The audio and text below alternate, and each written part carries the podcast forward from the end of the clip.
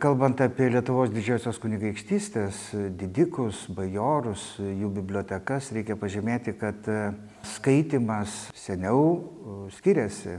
Kitai buvo suprantamas ir pačios praktikos, ar ne, buvo kitokios nei mūsų dienomis. Na, trumpai tariant, tai tarkime baroko epochoje žmonės tikėjo, kad knygų autoriai, taip pat herojai atgyja ir tarkime Prahoje vienuolinė yra freska, kurioje vaizduojamas tas procesas. Na tai kažkas panašaus kaip mūsų laikais, tarkime, vyksta ekranizacija kokio nors literatūros kūrinio.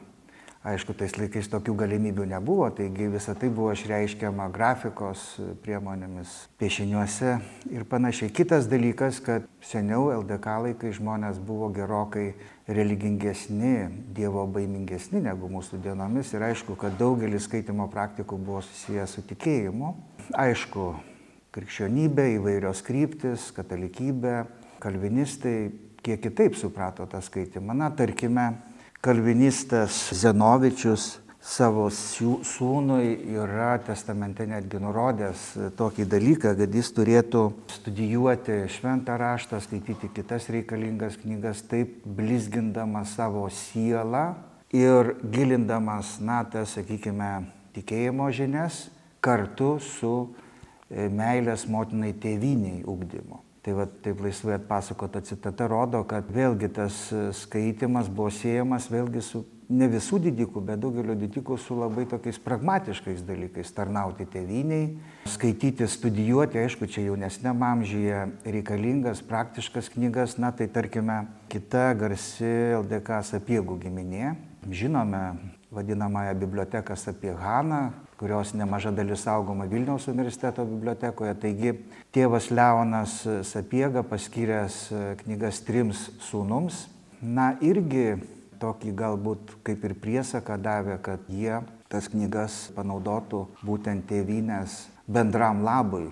Puikiai žinom, kad Kazimieras Leonas Sapiega sūnus įsteigė Vilniuje teisės fakultetą. Ir va tos knygos buvo panaudotos taip to teisės fakulteto kūrimui.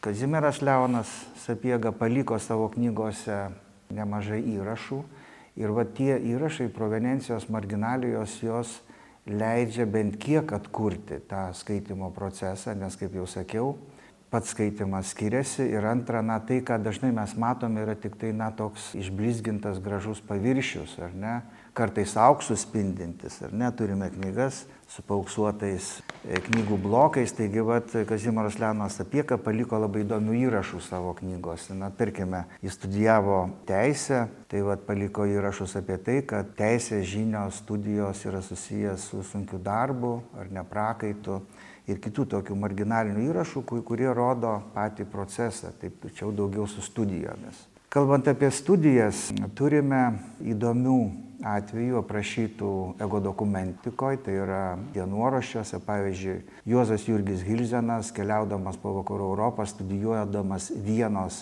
Terezės kolegijoje, jėzuito 18 amžiaus viduryje rašė dienoraštį ir jame nors ir nedaug, bet kalbam apie skaitimą, apie knygas. Tarkime, jis mini, kad vienoje minėtoje kolegijoje skaitė knygą, kuri vadovybės jėzuitų manimų nebuvo tinkama ir už tai jis buvo nubaustas, bet po kelių dienų kolegijos bibliotekininkas jam davė kitą knygą, matyt, tinkamiau parašytą apie romėnų papročius. Tai vat, vienu žodžiu, skaitimas susijęs ir su tokiais lydžiais, kartais draudžiamais dalykais, puikiai žinom, ir draudžiamų knygų indeksus, kurie buvo platinami.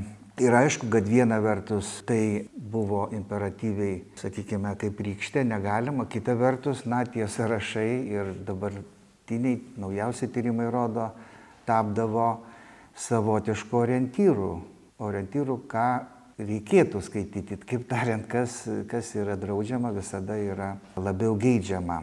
18 amžiaus pabaigoje turime įdomų atvejį, kai garsios didikų giminės Oginskių atstovas Ignas Oginskis, jisai ne, neužėmė aukštų pareigų LDK sistemoje valdymo, bet buvo dar sūniškio seniūnas valdė kelis dvarus aplink trakus, taigi tas atvejis susijęs su tuo, kad jis mirė pakankamai jaunas, 31 metų. Ir prieš mirtį savo biblioteką, jo buvo šiek tiek daugiau nei 200 tomų užrašė Trakų Bernardinų vienuolynai. Taigi va, tas sąrašas yra išlikęs, rodo, kad Ignas Oginskis tikrai buvo labai plataus akiračio, plačių pažiūrų žmogus, bet jo rinkinyje vis tik nusveria tokia religinė su pamaldumu susijusi lektūra, na, jisai sirgo, nežinom kokią lygą, kaip jau minėjau, mirė jaunas, matyt, tai susiję būtent su tuo. Sunku pasakyti, kiek jis būtų sukaupęs knygų, jeigu būtų gyvenęs ten iki 60 ar 70 metų, nes jo uošvis, tarkime, trakų vaivada Andrius Oginskis buvo sukaupęs daugiau kaip 2000 tomų biblioteką. Taigi 10 kartų daugiau, bet, na, gyveno ilgiau kalbant apie Igną Oginskį, įdomu, kad jisai prieš mirtį, būdamas Trakų Bernardino vienuolino sindikas, tai yra finansinių reikalų patikėtinis, paprašė testamente, kad būtų palaidotas Vilniaus Bernardino vienuolinė aprengtas vienuoliškais rūbais. Taigi, na, buvo pamaldus, daug aukojo, Ir va tas atvejis toks yra išskirtinis. Mes dažnai, kaip jau minėjau, matom paauksintas knygas labai gražiai įrištas. Atrodo, kad tie didikai gyveno, tik tai džiaugiasi gyvenimu, tačiau būtų įvairių atvejų. Ir matyt, va, didikų kilmingai giminiai priklausiusio asmens atvejais, na vėlgi rodo, kad e, ta biblioteka ir skaitimas dažnai, nu, gal ne taip dažnai, bet kartais buvo susijęs ir su skausmų lygomis ir taip toliau. Ignas Oginskis beje vienoje knygoje paliko netgi maldą, jo ranka rašyta malda, tai yra vadinamoji prieknyginė medžiaga, kur na, prašo Dievo, kad būtų gražintas į normalų sveiką gyvenimą ar panašiai. Tai vat, toks, sakyčiau, jautrus atvejis ir netradicinis. Moterų skaitimas irgi yra labai įdomi tema, šito požiūriu menkai dokumentuota, bet turime duomenų jau 16 amžiuje apie labai apsiskaičiusias e, moteris, e, pavyzdžiui, e, Elžbieta Šidlovetskytė, Radvilienė buvo vadinama lektisima femina, tai yra na, itin apsiskaičiusi moteris kalvinistė. 18 amžiui moteris jau pradeda komplektuoti arba atskirti savo knygų rinkinį biblioteką kažkokio didesnio rūmų dvaro bibliotekos rinkinio požiūriu ir šiuo atveju yra įdomus Pranciškos Uršulos Radvilėnės Višniovetskaitės atvejs. Jis buvo poetė, dramaturgė ir Nesvyžiuje, šalia tos didžiosios Nesvyžiaus Radvilų bibliotekos, kurioje buvo apie 20 tūkstančių tomų, paskui jinai buvo išdraskyta, išvežti rinkiniai į Rusiją. Taigi jinai turėjo savo rinkinį, kurio knyga žymėjo savo asmeniniu ekslibrisu knygos labai gražiai įrištos ir blokai tų knygų yra paauksinti. Taigi apibendrintai reikėtų pasakyti, kad skaitimo kultūra, skaitimo istorija LDK nors įtyrinėta, bet dar atsiveria tikrai daug ir labai įdomių krypčių. Na, pavyzdžiui, Dainoros Pociutės Abukevičianės neseniai išleistoje monografijoje apie gydytoją Bučelą yra labai įdomių duomenų pateikta apie eretikų, italų eretikų ryšių su Lietuva, su Pataro daugiau galbūt dvaru ir minimos taip pat knygos, dažnai draudžiamos knygos, nes inkvizicija e, buvo labai griežta Italijoje kaip ir Ispanijoje, taigi jis atvykdamas, prieš atvykdamas į abiejų tautų respubliką, Bučelą, buvo surinkęs daugiau kaip 200 tomų knygų rinkinį ir jų norėjo atsigabenti čia į abiejų tautų respubliką, būdamas gydytoju, tačiau inkvizicija tą krovinį sulaikė. Ir tik tai paskui, man regis, ten jam pavyko susigražinti kai kurius medicinos įrankius ir knygas.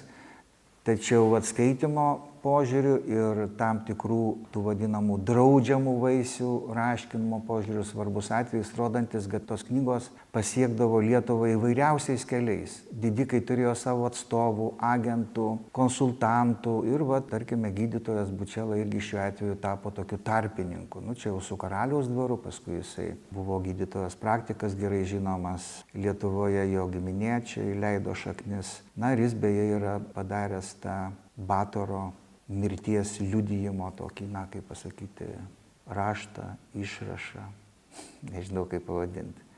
Tai vad ir Oginskiai turėjo savo atstovus, patarėjus, nu, bibliotekininkai, dažniausiai buvo 18 amžiuje prancūzų kilmės bibliotekininkai. Čertoriskis garsusis, Adomas Jurgis Čertoriskis, Vilniaus universiteto kuratorius ir jo tėvas Adomas Kazimieras Čertoriskis. Tai yra korespondencija išlikusi, kuri rodo, kad Čertoriskai turėjo savo atstovus daugelį Europos šalių, ypač Anglijoje, kurie siuntė laiškus, aiškino, kokios yra literatūros ir mokslo naujienos, kokie nauji veikalai knygos yra svarbios ir įsigytinos. Tai va tokiu būdu tie didikai bibliotekas ir kaupia. Bet aišku, vėlgi kalbant apie skaitimą, kuris yra labai įvairus ir šiais laikais, labai individualus, taip ir anais laikais, na, reikalingi, matyt, daug nuodugnesni įvairiopų šaltinių tyrimai, ne tik tai knygų sąrašai ir katalogai, bet ir, kaip jau minėjau, ego dokumentika, dienoraščiai, laiškai, jie atskleidžia galbūt na, tokį intimesnį santykį su knyga.